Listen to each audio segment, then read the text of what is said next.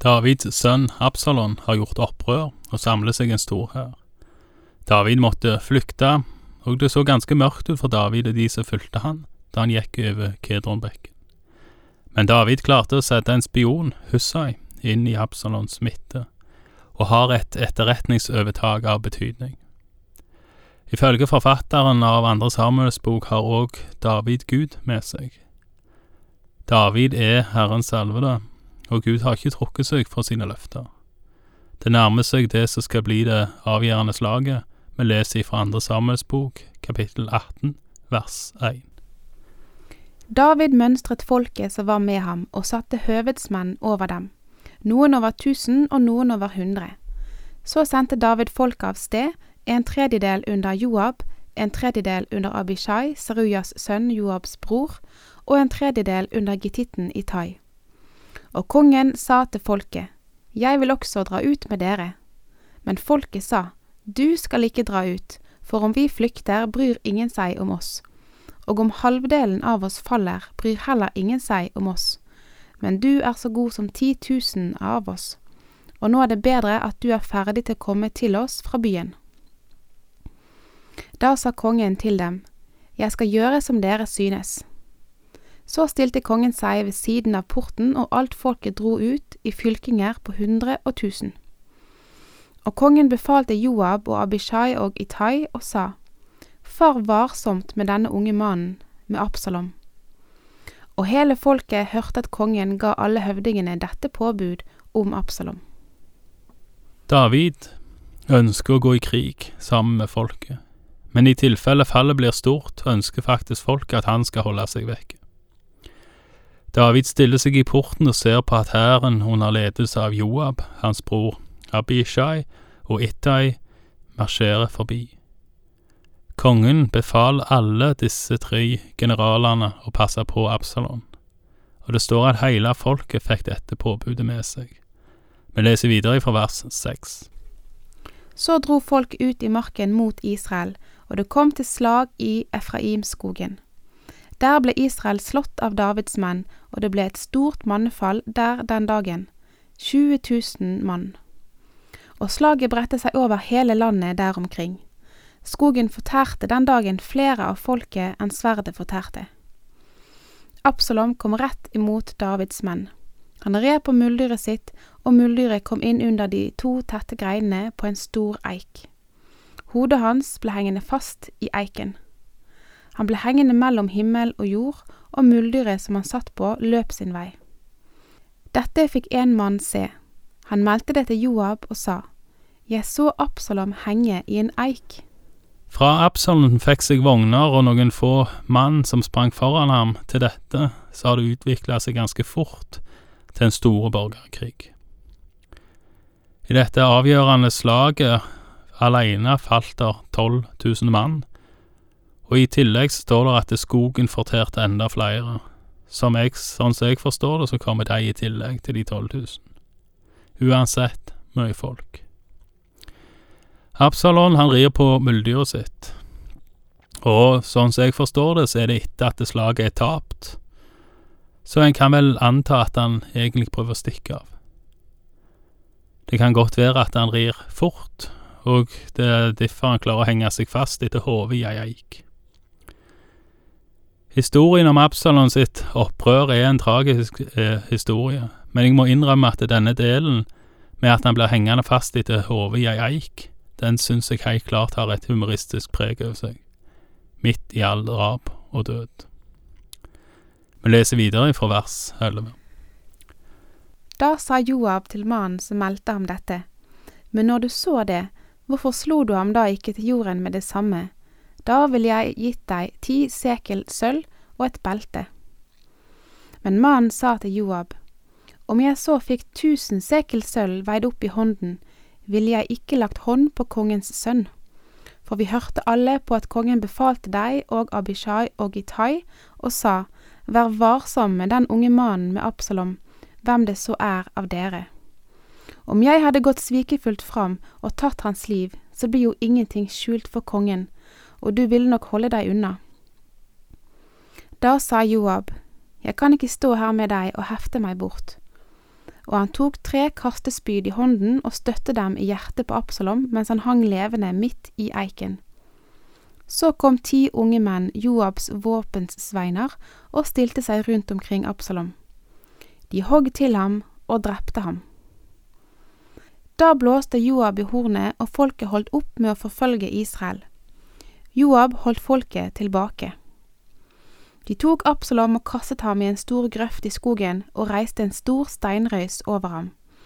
Og hele Israel flyktet, hver til sitt hjem. Mens Absalom levde, hadde han reist seg i den støtten som står i kongedalen, for han sa, Jeg har ingen sønn som kan holde oppe minnet om mitt navn.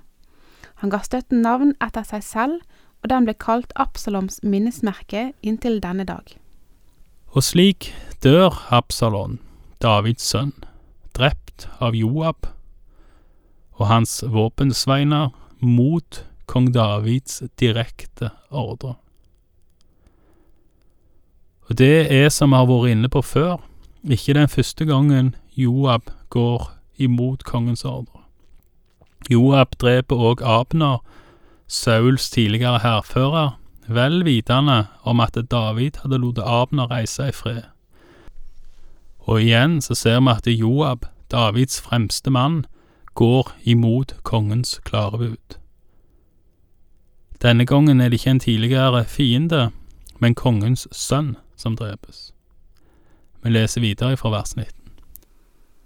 Akimas, Sadoks sønn, sa til Joab, La meg få springe av sted til kongen med det gledelige budskapet at Herren har fridd ham ut av hans fienders hånd. Men Joab sa til ham, ikke vil du i dag bli en mann med gledelig budskap. En annen dag kan du komme med gledelig budskap, men i dag vil du ikke komme med noe gledelig budskap, siden kongens sønn er død. Deretter sa Joab til kushitten, Gå og meld kongen hva du har sett. Og kushitten bøyde seg for Joab og sprang av sted. Akimas, Sadoks sønn, tok igjen til orde og sa til Joab, Det får gå som du vil, men la også meg få springe av sted etter kushitten. Joab sa, Hvorfor vil du endelig gjøre det, min sønn? Du har jo ikke noe gledelig budskap som du kunne få lønn for. Han svarte, Det får gå som det vil, jeg springer av sted.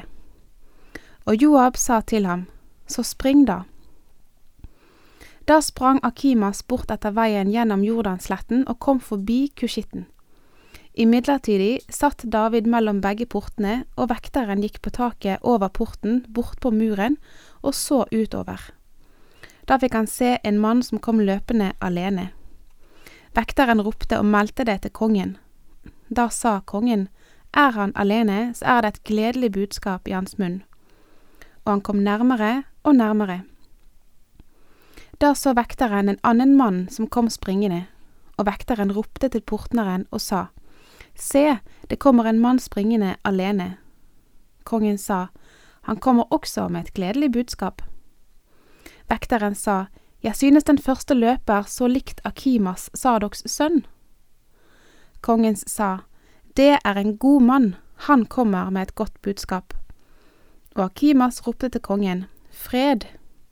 Og han kastet seg på sitt ansikt til jorden for kongen og sa, Lovet være Herren din Gud, som har gitt de menn som løftet sin hånd mot min herre konge, i din makt. Og kongen sa, Står det vel til med den unge mannen, med Absalom? Akimas svarte, Jeg så det var et stort oppstyr da Joab sendte kongens tjenere og meg, din tjener, av sted, men jeg vet ikke hva det var. Kongen sa, Gå til side og stå der. Så gikk han til side og ble stående der.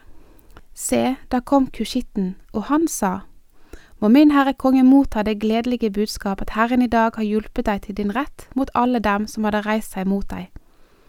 Kongen spurte kushitten, Står det vel til med den unge mannen med Absalom? Kushitten svarte, Måtte det gå min herre kongens fiender og alle som reiser seg mot deg og vil gjøre deg ondt, som det gikk med denne unge mannen. Da ble kongen dypt rystet. Han gikk opp på salen over porten og gråt. Mens han gikk, sa han, Min sønn Absalom, min sønn, min sønn Absalom, og at jeg var død i ditt sted, Absalom, min sønn, min sønn. Joab kjenner sin konge, og han advarer Akimaish, sønn av presten Sedok mot å springe med det gode budskapet om seier. Si budskapet om at sønnen til David er død, vil overskygge for budskapet om at David har fått tilbake sin rett som konge.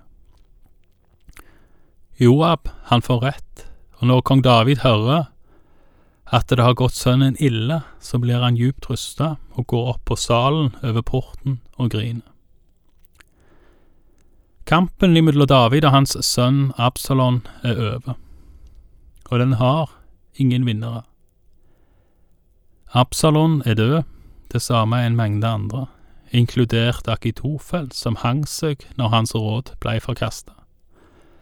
David står sørgende tilbake og gleder seg så langt vi kan se ikke over å ha fått kongeriket eller kongedømmet tilbake.